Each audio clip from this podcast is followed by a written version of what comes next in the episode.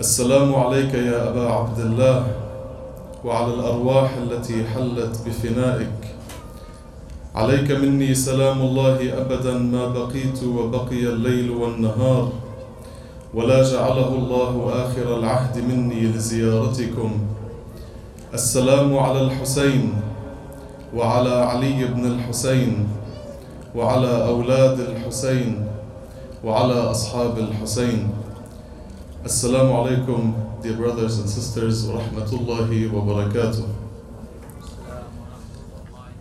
اللهم اجعل ما نقوله ونفعله خالصا لوجهك الكريم Bevor ich mit dem Vortrag anfange, würde ich gerne einige Worte verlieren. خلاص I'm gonna switch to English. Because you spoke Dutch, so I thought I'd just lose some words in German as well. So before I start, inshallah, I'm very grateful and thankful to Allah subhanahu wa ta'ala to give me this opportunity to be able to speak in such an event in this beautiful country with this beautiful community.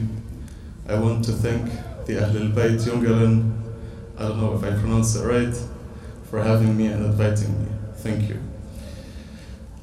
Before we go into the subject and the lecture, I want to start with a question. Basically, we're starting with the lecture, but I just want to start with a question. The question is one of the difficult questions. I think each and every one of us asks himself this question, but there's not only one answer to it, there's different answers. But everyone has to see which answer fits him best, which answer convinces him. I'm going to mention a few answers briefly, just because I want to get to a certain point and continue my lecture from that point. The question is the following Why did Allah subhanahu wa ta'ala create us? What's the purpose of creation? Why are we living? This is a question, maybe some of you asked, asked themselves this question, but there's many answers to it. Masalan, one of the answers is the following. It's a philosophical answer. They say that Allah Azza wa Jal has attributes. He's Al-Hayy, He's living.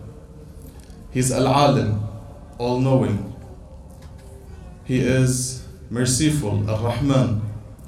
And he's also Al-Khaliq. So he can't be Al-Khaliq if there's no makhluk. So he can't be a creator if there is no creation. So that's why there needs to be a creation for him to be a creator. So that's why Al Khalq exists. Because Allah Azza wa wouldn't be the most perfect if He wasn't Al Khaliq. Imagine there would be an attribute that He could have but doesn't have, which is to be a creator. So, in order for Him to be a creator, there needs to be a creation, and that's why the creation exists. This is one answer. I'm mentioning it very briefly. Another answer is a comparison to us human beings. You know the hadith that says, Man arafa nafsahu faqad arafa rabbahu. So he who knows himself knows his Lord. So when it comes to this question, there's the following answer. They say, just like when somebody asks you, why do you want to have kids? There's many reasons why we want to have kids. But one of the reasons is just because we want to have kids. We want to have our own kids. So we have the need, we have a feeling that we want to have our own creation in a way. So similar to that, Allah Azza wa Jal. So Allah Azza wa Jal, because we have this feeling in us, we may be able to understand Allah Azza wa Jal and why He wants to have a creation. This is another answer from a different perspective. There's also a third answer, which is that um, they say al-wujud khayrun min al-adam. Existence is better than nothingness. Existence is better than non-existence. So that's why we say al-wujud khayrun min al-adam. So for us to be created is better than not to be created. So that's why we exist. Like I said, I'm mentioning them briefly. There's also one more answer that they mention, which goes that there is something that you can feel a level that you can reach in your relation with Allah Azza wa Jal where you won't ask this question anymore in the first place. You will have a feeling of satisfaction in your relationship with Allah Azza wa Jal where you don't even ask Him this question why did you create me? So it's something that you can experience and live on your own. So you will find the answer while living this relationship with Allah Azza wa Jal. But if we look at the Quran Al Kareem, then the Quran gives us an answer too. And from here I want to continue with the lecture. But the Quranic answer is the following. I want to mention four ayat, four verses from the Quran, and then we can continue. The first one is a verse that most of you know and probably heard a lot. It's the following. أعوذ بالله من الشيطان الرجيم وما خلقت الجن والإنس إلا ليعبدون So Allah Azza wa Jal created us to worship Him. He says, And I created not the jinns and the humans to any end other that they may worship me. So the goal of creation is to worship Allah Azza wa Jal. طيب, what's the goal of worshipping Allah Azza wa Jal? Another verse gives us the answer. He says, يا أيها الناس اعبدوا ربكم الذي خلقكم والذين من قبلكم لعلكم تتقون So the goal and the purpose of ibadah, of worship, is to reach taqwa. In English it says, O mankind, worship your sustainer, who has created you and those who lived before you, so that you may become conscious of him. So that you may become al-muttaqi, that you may become have taqwa. So for now we have al-khalq so that we can do ibadah. And then we have ibadah in order to reach at-taqwa. طب what is taqwa needed for? Why? What's the goal of taqwa and purpose of taqwa? كمان the Quran gives us the, gives us the answer. He says, فاتقوا الله يا أولي الألباب لعلكم تفلحون. So have taqwa in order that you, that you may reach falah, a happy state. The Quran says, Be then conscious of God, O you who are endowed with insight, so that you might attain to a happy state, so that you might reach al falah. But what's the goal of falah? And here we're going to end the, the order. The Quran says, قَدْ أَفْلَحَ مَنْ تَزَكَّى To happiness will indeed attain he who attains to purity. So if we do, if we remove the repeated parts right now, Allah Azza created us to reach, uh, to worship Him. We worship Him to reach the level of taqwa. We want the level of taqwa to live a happy life, to be happy, a state of happiness, and that we can do through at-tazkiyah. So Allah Azza created us to to perform tazkiyah. Tazkiyah comes from the word or means purity to clean and to purify. This is what tazkiyah means. So Allah Azza wa Jal wants us to reach this level of tazkiyah. But what does He want us to clean ourselves from? Tazkiyah from what? He wants us to clean something, to purify something. He wants us to clean and purify our hearts from anything except Allah Azza wa Jal and what Allah Azza wa Jal wants us to be in our hearts. Once we reach that level, then we have achieved tazkiyah and the level of tazkiyah. طيب, how do we do that? We do that if we follow the commands of Allah Azza wa Jal, but the way He wants us to follow them. We have to worship Allah Azza wa Jal the way He wants to be worshipped. Elsewise, we'll be like Iblis. You know, the problem of Iblis was not with Allah Azza wa Jal straight directly. He was ready to worship Him, to ask Him, to go towards Him, but he wanted to worship Allah Azza wa Jal the way Iblis wanted to worship Allah. Because when Allah ordered him to prostrate to Adam, he told him, You know, I'll do prostration for you, but I'm not going to do prostration to Adam, because I'm better than Adam. Because Allah Azza wa Jal, He wants to be worshipped the way He wants to be worshipped. You know, this, this is why sometimes we get uh, these questions from other Islamic schools when they tell us, like, why do you go to ziyarah? Why do you ask the imams? You can ask Allah Azza wa directly, straightforward. He's closer to us than Habl al-Warid, that's what they mention. We tell them we worship Allah Azza wa the way He wants to be worshipped. He told us, go to Imam al-Hussein alayhi salam and ask him to, and tell him or ask, request from him to ask me for forgiveness. So we worship Allah Azza wa the way He wants to be worshipped, not the way we want to worship Allah. Anyway, uh, so we have to follow the commands of Allah the way He wants us to worship Him and to follow Him. Alright. And from here, there comes the difference between al-ibadah and al-ubudiyah. I've mentioned this point in one of my previous lectures, but ibadah are the acts of worship, like praying, fasting, performing hajj, zakat, khums, whatsoever. These are ibadat. And we have al-ubudiyah, which is servanthood. So the difference between them is a big difference. Al-ibadah is supposed to help us reach al-ubudiyah. The main goal for us is to be abd lillah subhanahu wa ta'ala, to be a servant of Allah azza wa jal. Because some, they worship because they like to worship. They're just into ibadah. They love to pray, they love to listen to dua, they love to listen to latmiya. But how do we know if they are loving ibadah or if they are loving ibadah for ibadah or if they are loving ibadah as a form or as a way to ubudiyah? And for example, if somebody has a wife, a sister, a mother, and she's sick, she needs him, her son, her husband, whatever. This son, let's say, he wanted to go to Iraq this year and perform Ziyarat al-Arba'in. But because his mother was sick, he had to decide, do I go to Ziyarah and leave my mother alone?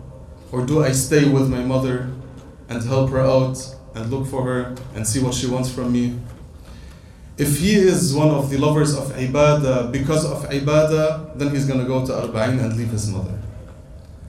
But if he is one of those who loves ibadah because it is a way to ubudiyah, then he says, No, I have to stay next to my mother because Allah Azza wa this is what Allah Azza wa pleases. Even though me on a personal level, I would love to go to ziyarah. I would love to go to the mosque and listen to Dua Kumayl. I would love to go and pray the Friday prayer. But since my mother needs me, because she needs me, because she wants me to be next to her, or my father or anyone else, then I'm gonna put that aside and do what pleases Allah Azza and stay next to my mother. There's a big difference. So we need to be to have ubudiyah, not ibadah. I know, I'm sure you heard the narrations that mentioned that there was one man during the time of the Prophet ﷺ who was spending his whole time on a mountain just worshipping Allah. He wasn't taking care of his family or anyone else. The Prophet told him that's not what you have to do. You have to take care of your family, of your relatives. So Allah Azza doesn't want us to sit and pray 24 7 read the Quran 24 7, read the dua 24 7. That's not what is wanted and needed. We have to worship Allah Azza the way it pleases Him. And to make it more clear, we can mention a verse from the Quran that talks about this point specifically. In one of the ayat, the Quran says, ربي أوزعني أن أشكر نعمتك التي أنعمت علي وعلى والدي وأن أعمل صالحا ترضاه So I'm going to read the English translation and then inshallah explain the verse.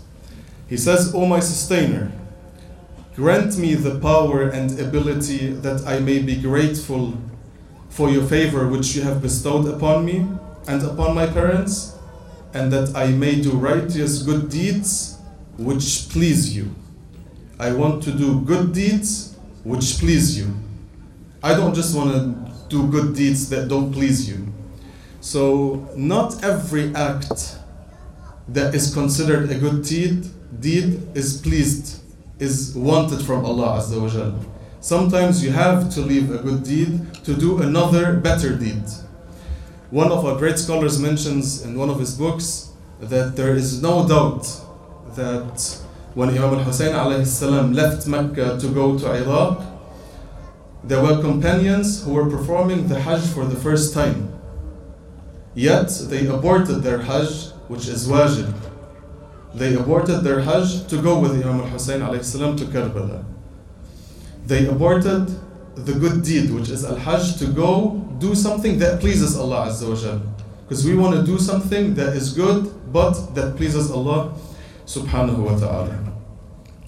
طيب صلوا على محمد وآل محمد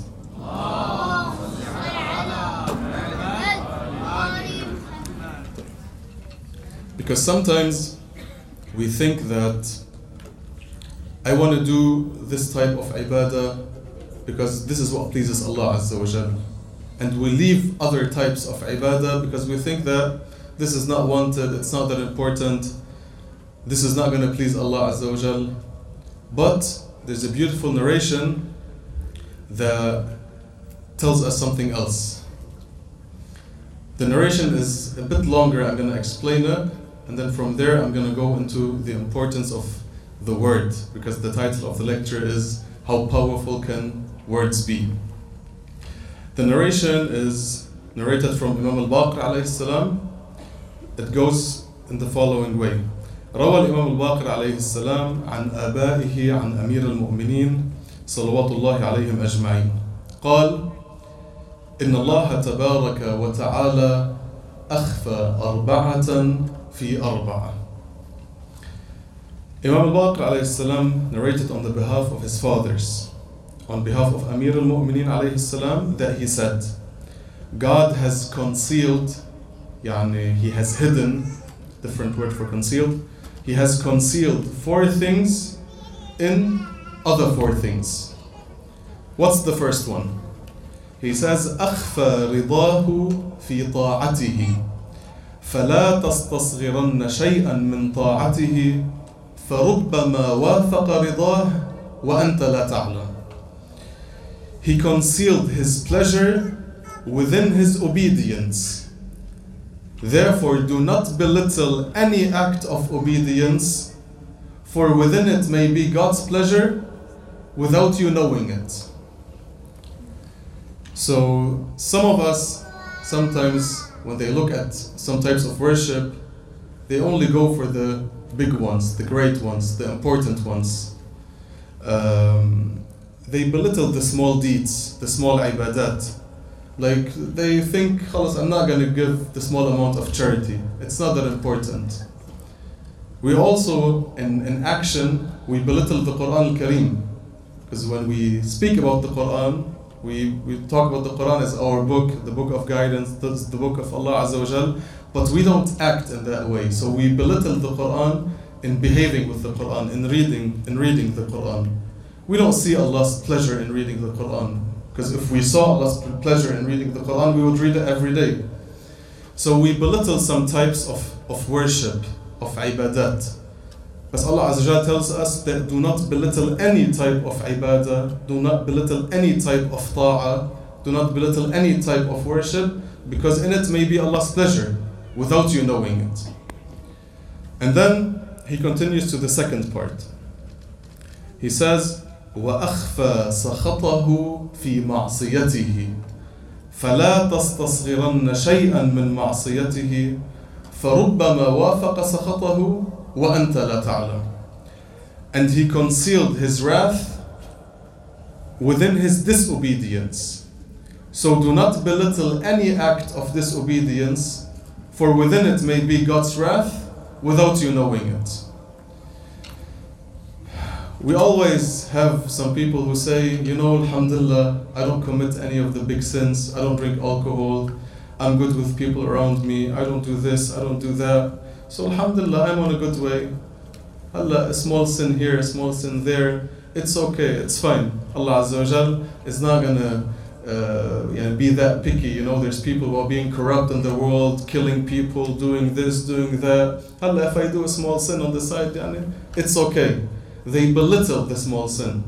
Whereas in Arabic, there's a quote that says, لا صغيرة مع إصرار ولا كبيرة مع استغفار. There's no small sin if you insist on doing it. And also there's no big sin if you repent from it.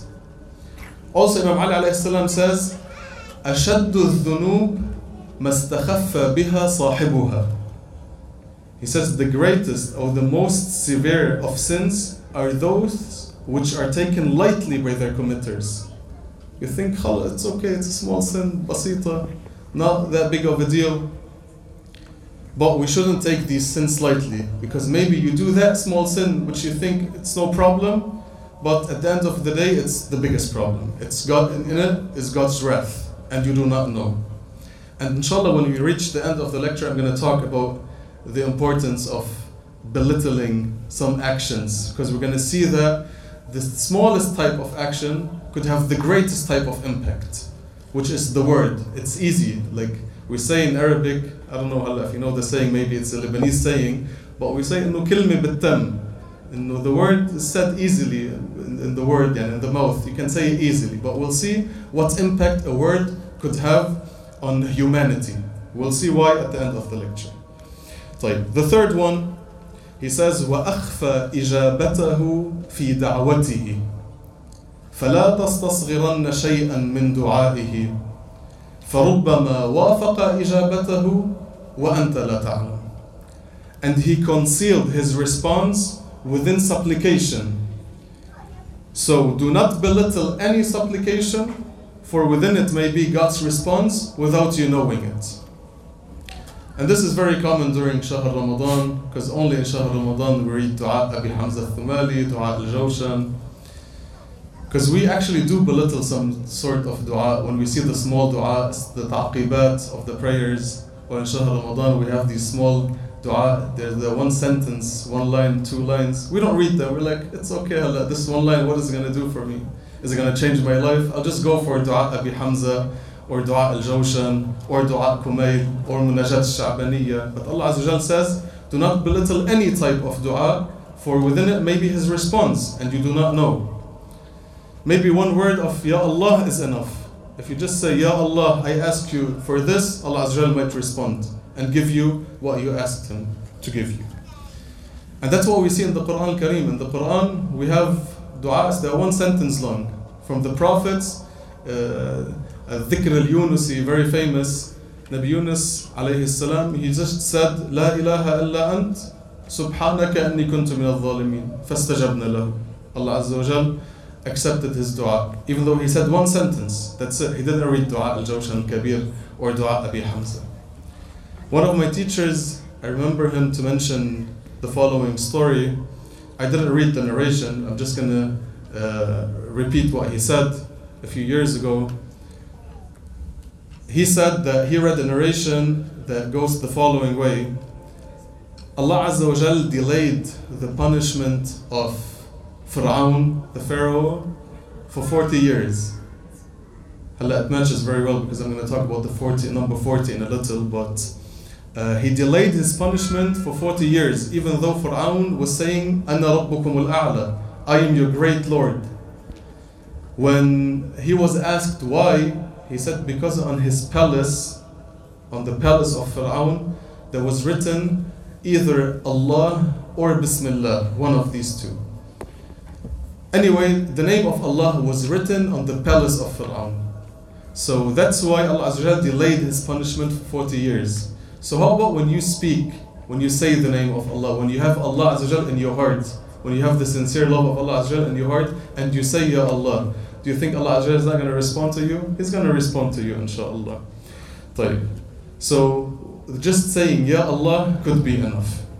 The fourth and last one is وأخفى وليه في عباده فلا تستصغرن عبدا من عبيد الله فربما يكون وليه وأنت لا تعلم And he concealed his friend amongst his servants.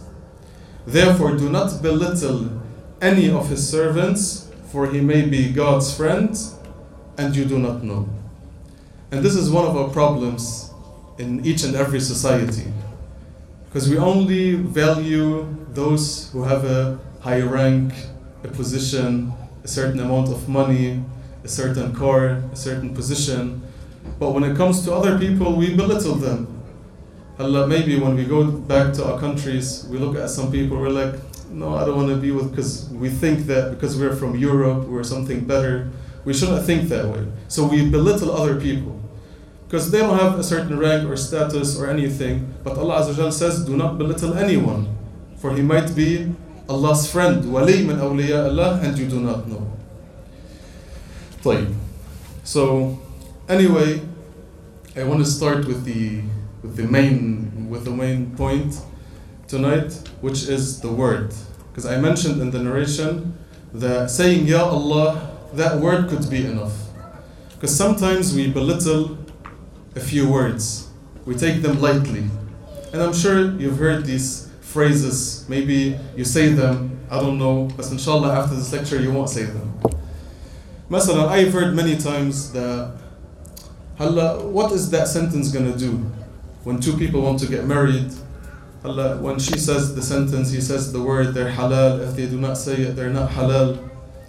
Or because we want to eat halal meat.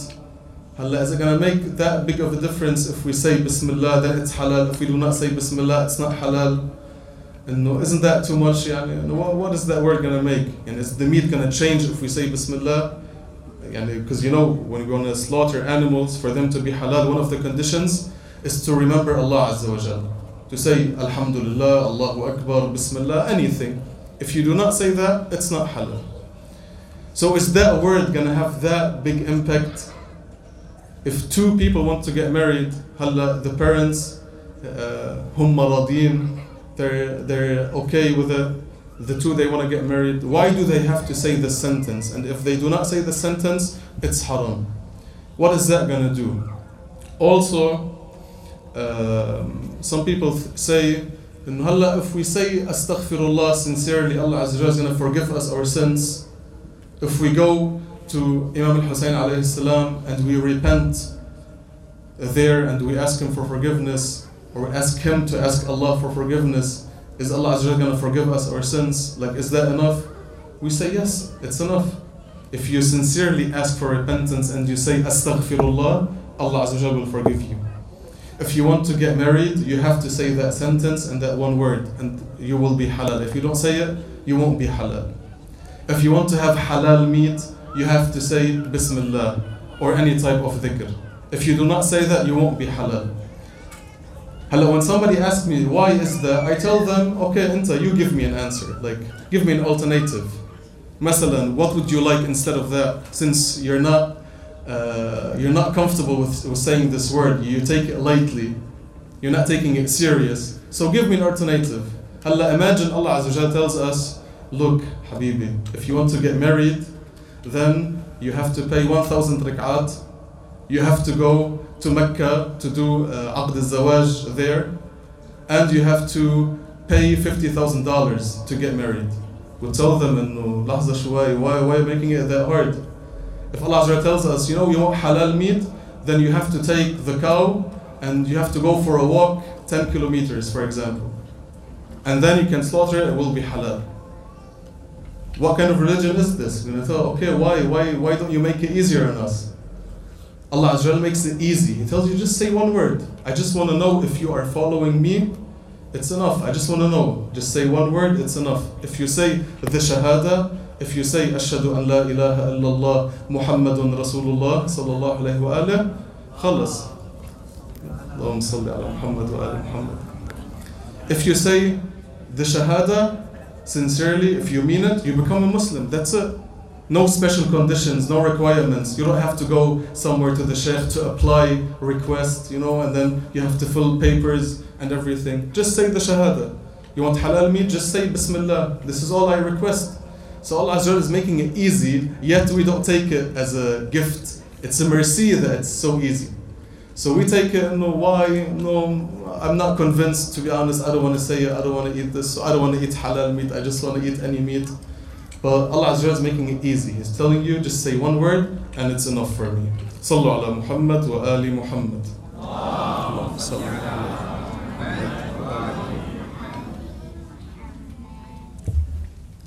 And we find that in the Holy Quran as well. Because sometimes, because this verse, I'm sure all of you read this verse in the Quran. Because it's in Surah Al Baqarah, and usually in Shahr Ramadan, everyone starts reading the Quran. Some finish the Quran, some don't finish the Quran, but this verse for sure you read. But I'm almost quite sure that you didn't pay attention to this verse the way you should. So look what the verse says about this fact that I was mentioning right now. The Quran says, وَإِذْ قُلْنَا ادْخُلُوا هَذِهِ الْقَرْيَةِ فَكُلُوا مِنْهَا حَيْثُ شِئْتُمْ رَغَدًا وَادْخُلُوا الْبَابَ سُجَّدًا وَقُولُوا حَطَّةً نغفر لكم خطاياكم وسنزيد المحسنين I'm going to read it in English and then explain. And remember when we said, Enter this town, talking about Jerusalem, and eat bountifully therein with pleasure and delight wherever you wish. And now, please pay attention. And enter the gate in prostration and say, Forgive us. And we shall forgive you your sins and shall increase your reward for the good doers. So there were two conditions for forgiveness. ادخلوا الباب سجدا enter the gate in prostration وقولوا حطة and say حطة حطة here it means forgive us it comes from حط حط الذنوب you know you say حطة على القاع حطة على الأرض to put it down so حطة is to تحط الشغلة to forgive us here it means forgiveness so there were two conditions to for them to Allah forgive them the first one enter the gate in prostration second one just say حطة Bani Israel took it lightly they said هلا if we say حطة that's it Allah Azza is going to forgive us they didn't say حطة they said حنطة they, they said anything else but they didn't say حطة they took it lightly they're like come on يعني if we enter the gate in prostration and say حطة Allah is going to forgive us look what the Quran says in the following verse he continues فبدل الذين ظلموا قولا غير الذي قيل لهم فأنزلنا على الذين ظلموا رجزا من السماء بما كانوا يفسقون The Quran says but those who did wrong changed the word from that which have which had been told to them for another they didn't say حتى they weren't convinced They're like, what حتى خلص حنطة anything else but they didn't say the word حتى they took it lightly so we sent upon the wrongdoers a punishment from the heaven because of their rebelling against Allah's obedience. So this verse is talking about this fact. Because sometimes just one word is enough. If you say it the way Allah wants you to say it, if you worship Him the way He wants to be worshipped, it's enough. He tells you, just say that word, say that word. Alhamdulillah. It's from Allah's mercy. So same thing when it comes to Ziyarat Imam Hussein alayhi salam on any occasion or on the 40th. When it comes to ziyarah, some people say, Halla, you go every year, perform ziyarah, you go, you go on that walk to visit Imam al Hussein, to, visit- to visit the shrine of Imam Hussein. What is that going to do for you? Aslan, on the walk, you, you chat, you talk, you're not Aslan paying attention to what you're doing. What we tell them, that know, Allah Azza wa Jal ordered us to perform ziyarah at any time, because we're going to talk about why we, we visit Imam Hussein and the Arba'in. So we visit Imam Hussein during the Arba'in and we ask him to ask Allah for us for repentance. And there's no problem in that. So I want to use this occasion to talk about the number 40 in the Quran Kareem and in the narrations. So that we may have a different understanding of the number 40 and we're gonna try to find an answer to why we perform ziyarah in Al-Arba'in. طيب, so the first point is that we have narrations, more than one narration, that talk about Ziyarat al-Arba'in. But I want, before I start, I want something to be clear. So, Ziyarat al-Arba'in, there's no doubt that uh, we perform it. But هلا we're going to talk about the dalil for the ziyarah. So there's many proofs. One of them is the narrations. One of them is السيرة سيرة المتشرعة. I don't want to go too deep into the subject, but anyway, so like مثلا, let me give an example to make it more clear. When we say Allah Azza wa Jalla exists, there's no doubt in His existence. But sometimes we look at the proof and we say, okay, this proof is better than this proof, this proof is wrong, this proof is better. But there's no doubt in the existence of Allah Azza wa Jalla. Same thing, there's no doubt in Ziyarat al Arba'in.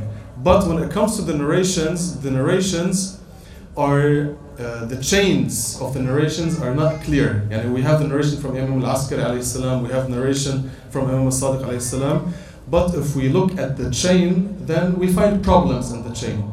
But it's no problem to us because we have other ways to uh, to make the ziyarah uh, يعني معتبرة. The ziyarah, there's no doubt in it. But when it comes to the narrations, we face a few problems with the narrations. But like I mentioned, it's still no problem to perform ziyarah actually. طيب, let me talk about the number 40 in the Quran and in the narrations so that we may have a different or better understanding. طيب, the first verse in the Quran Kareem, and I'm going to do that a little bit quicker because I don't want to take too much time because I think I need like 15 20 minutes after this. طيب in سورة البقرة verse 51 Allah Azza wa Jal says وإذ وعدنا موسى أربعين ليلة ثم اتخذتم العجل من بعده وأنتم ظالمون And remember when we appointed for Musa 40 nights. So this is one verse that mentions the 40, the number 40. Hello, we can ask a question, why 40 nights? Why not 30? Why not 35? Why not 50? Why not 100 nights? Why 40 nights? Well, let me continue with the other verses. In Surah Al-Ma'idah, verse 26, Allah Azza wa Jal says, قال فإنها محرمة عليهم أربعين سنة Allah said, therefore, it, in the Holy Land, is forbidden to them for 40 years. Another time he mentions the number 40. طيب, why, why is the number 40 mentioned? we don't have a clear answer. If there's no narration or, or a verse that mentions why the number 40, then we have no idea. Just like the separated letters in the beginning of the Quran Kareem, in the beginning of the of some chapters of the Quran Kareem. You know, some some chapters start with Alif Lam Mim, Alif Lam Ra. There's more than 16 opinions on what they mean. One of these opinions is that we don't know what they mean. They're just a secret message between the Prophet and Allah Azza wa Jal, or Allah Azza wa Jal, the Prophet and the Ahlul Bayt. This is one of the opinions. Just tell us, we don't know. If the Imams themselves didn't tell us what these letters mean, then we have no idea what these letters means. طيب, anyway, we don't know the secret behind the number 40. Another verse mentions the following وواعدنا موسى ثلاثين ليلة وأتممناها بعشر فتم ميقات ربه أربعين ليلة And we appointed for Musa 30 nights and added to the period 10 more and he completed the term appointed by his lords of 40 nights. One of the scholars mentions that maybe with the number 40 something gets completed. So maybe if we perform Ziyarat al-Arba'in for Imam Hussein alayhi salam, we complete something. What we complete exactly, we have no idea, we don't know. But maybe there's something that we complete when we perform Ziyarat al-Arba'in to Imam al-Hussein. In Surah Al-Ahqaf, verse 15, I think this is the last verse I'm going to mention for the subject, is the following. وَوَصَّيْنَا الْإِنسَانَ بِوَالِدَيْهِ إِحْسَانًا حملته أمه كرها ووضعته كرها وحمله وفصاله ثلاثون شهرا حتى إذا بلغ أشده وبلغ أربعين سنة And we have enjoined on man to be dutiful and kind to his parents. His mother bears him with hardship and she brings him forth with hardship. And then and the bearing of him and the weaning of him is 30 months. Till when he attains full strength and reaches 40 years. This is the fourth time the number 40 is mentioned in the Quran Kareem. So there's something one of the scholars mentions there's something takwini about it. So there's a real matter about the number 40. It's not just picked randomly. There is something that has to do with the number 40. Because we have narrations that mention that the mind, the brain of the human being completes, gets completed at the age of 40. The Prophet sallallahu alaihi wa alihi, sallallahu ala Muhammad wa ali Muhammad, sallallahu ala Muhammad wa ali Muhammad. The Prophet ﷺ got his revelation at the age of 40. So there is something about this number that, which is a mystery. طيب. So there is something takwini. With takwini, I mean a real matter. It's not i'tibari, it's not picked randomly, it's not just something abstract, it's something real. طيب. So from here, we might be, like I mentioned, fulfilling something when we perform ziyarat al-arba'in for Imam al-Hussein. But what it is exactly, we don't know. There might be some sort of gifts and rewards for those who attain uh, in the grave of Imam Hussein, in the shrine of Imam Hussein during the 40th. I just want to mention briefly another few narrations, just to have this whole subject, yani, to, to have it from all views and angles. A few narrations that talk about the number 40. The first one says عن أبي عبد الله عليه السلام قال من شرب الخمر لم يق- لم يقبل الله له صلاة أربعين يوما He who drinks alcohol renders his prayer unaccepted for 40 days. his prayer is unaccepted for 40 days. This is no excuse for anyone to say, Khalas, you don't have to pray. No, there's a difference. You pray, you have to pray. It's still wajib. Anyone, I pray my prayer, it might be accepted or no. But I did my taklif, I did what is requested from me. If Allah accepts it or no, it's something else. So even he who drinks alcohol, he has to pray, even though it's not accepted. So it's no excuse to leave prayer. Just wanted to mention that, just in case. So this is one narration that talks about the 40 days. So why 40 days? We have a different narration that tries to clarify it.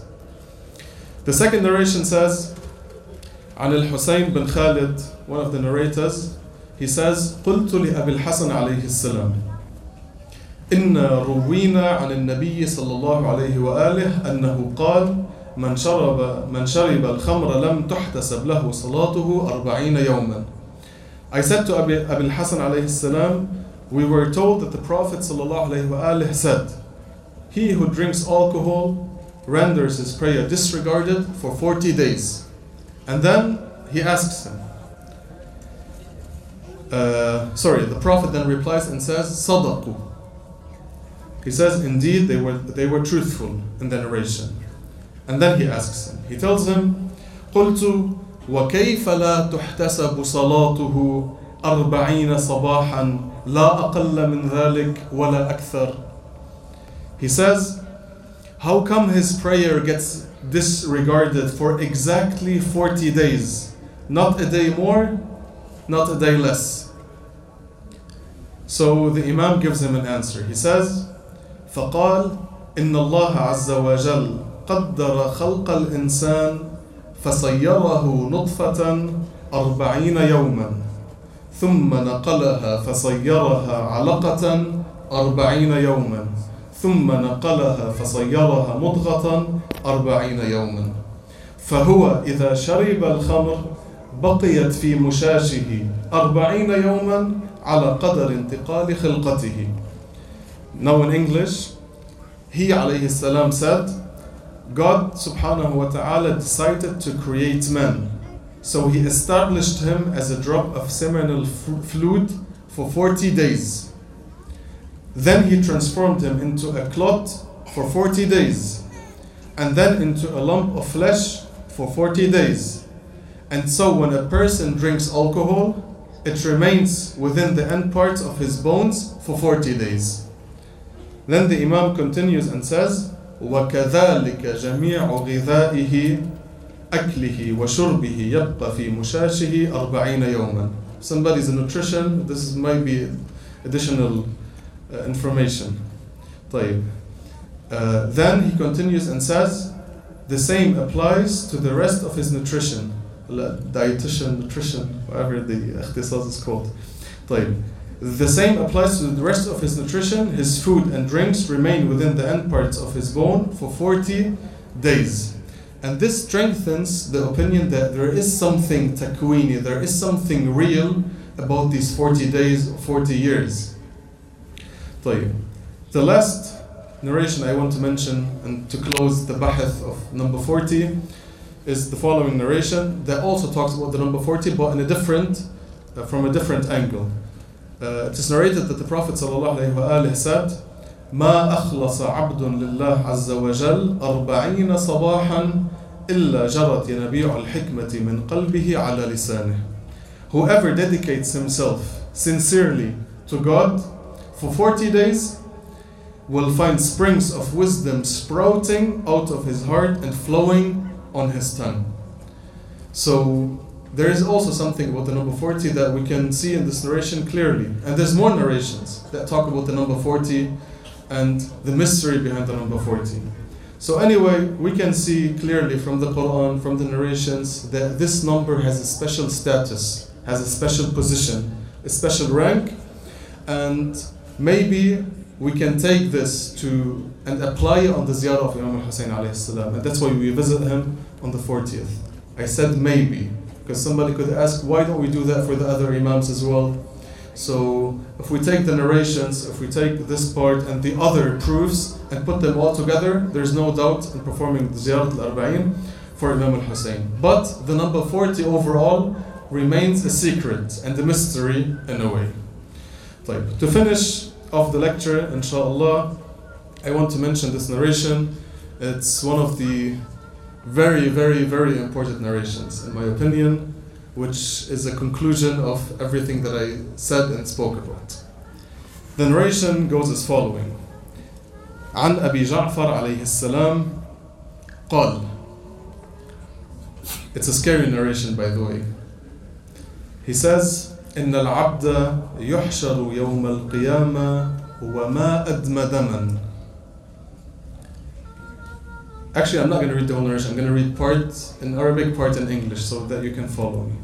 It is narrated that Abi Ja'far alayhi salam said, A servant who has never shed blood in his life will be gathered on the day of resurrection and offered a cup filled with blood. إن العبد يحشر يوم القيامة وما أدم دما فيدفع إليه شبه المحجمة أو فوق ذلك. They will give him a cup filled with blood. فيقال له هذا سهمك من دم فلان.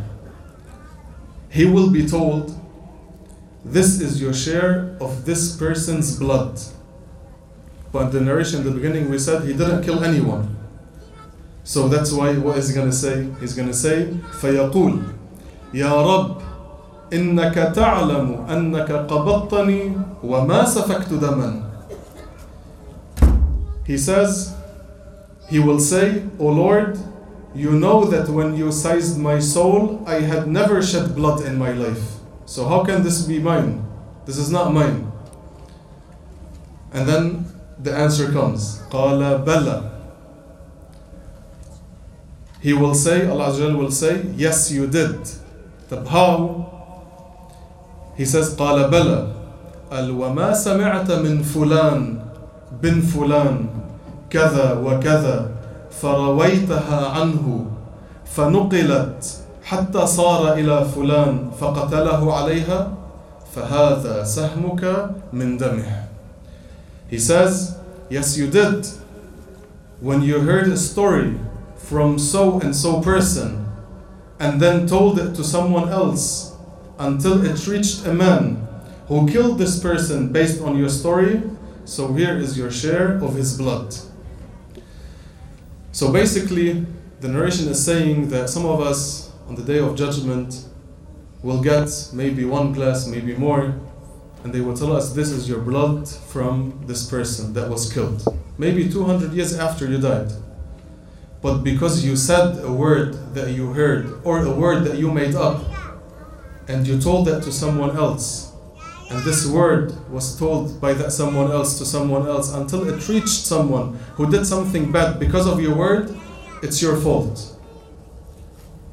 But it goes both ways. So it's a scary narration, but it does go both ways. So if you say something good, because sometimes when we see someone, masalan, we find a sister, she's not wearing a hijab and then she wears a hijab, well, usually it doesn't happen. But let's just suggest, yeah, let's just hypothetically say that she wears a hijab and somebody comes and says, Halla, you're wearing a hijab, you did this, you did that. Halla, you're wearing a hijab, now you're going to the mosque, now you're coming. Maybe because of that word, she's going to take the, the hijab off. And if she takes the hijab off, she's going to do whatever. Or if she's wearing a hijab, and then we don't take her serious, you know, like, ah, you're wearing hijab, go take off your hijab, don't do this, don't do that, don't come to the mosque.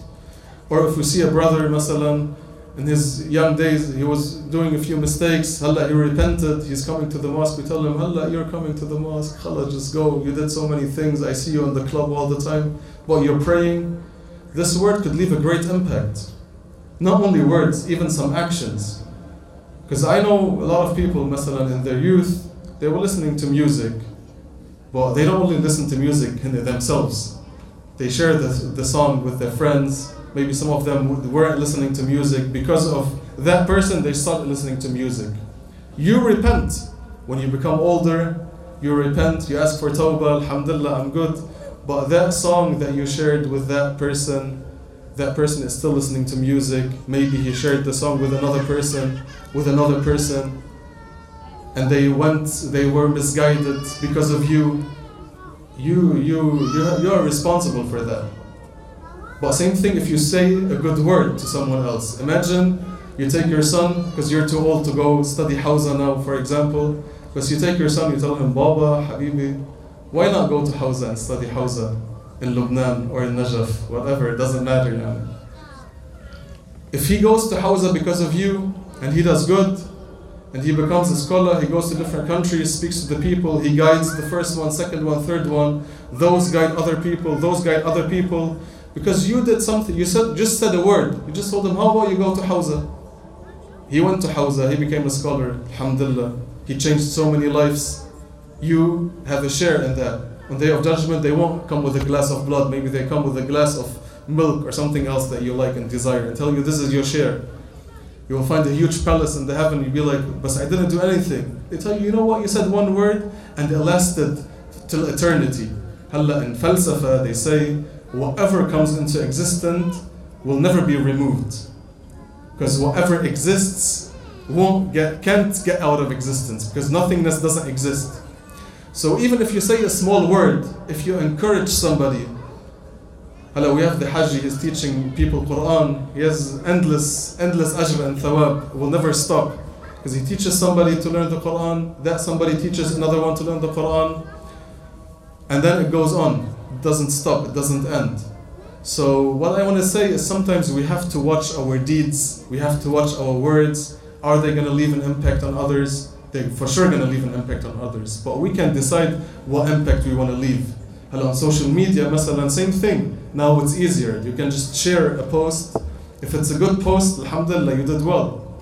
Somebody got the new information because of you, you have a share of that. It doesn't end. It's that easy, just one click. But if you share something that is not good, then come on, you have to be responsible for that. So we live in a time where one word could change people's life, and then those people can change other people's life. So choose your words and your actions wisely. I think we should come to the end now.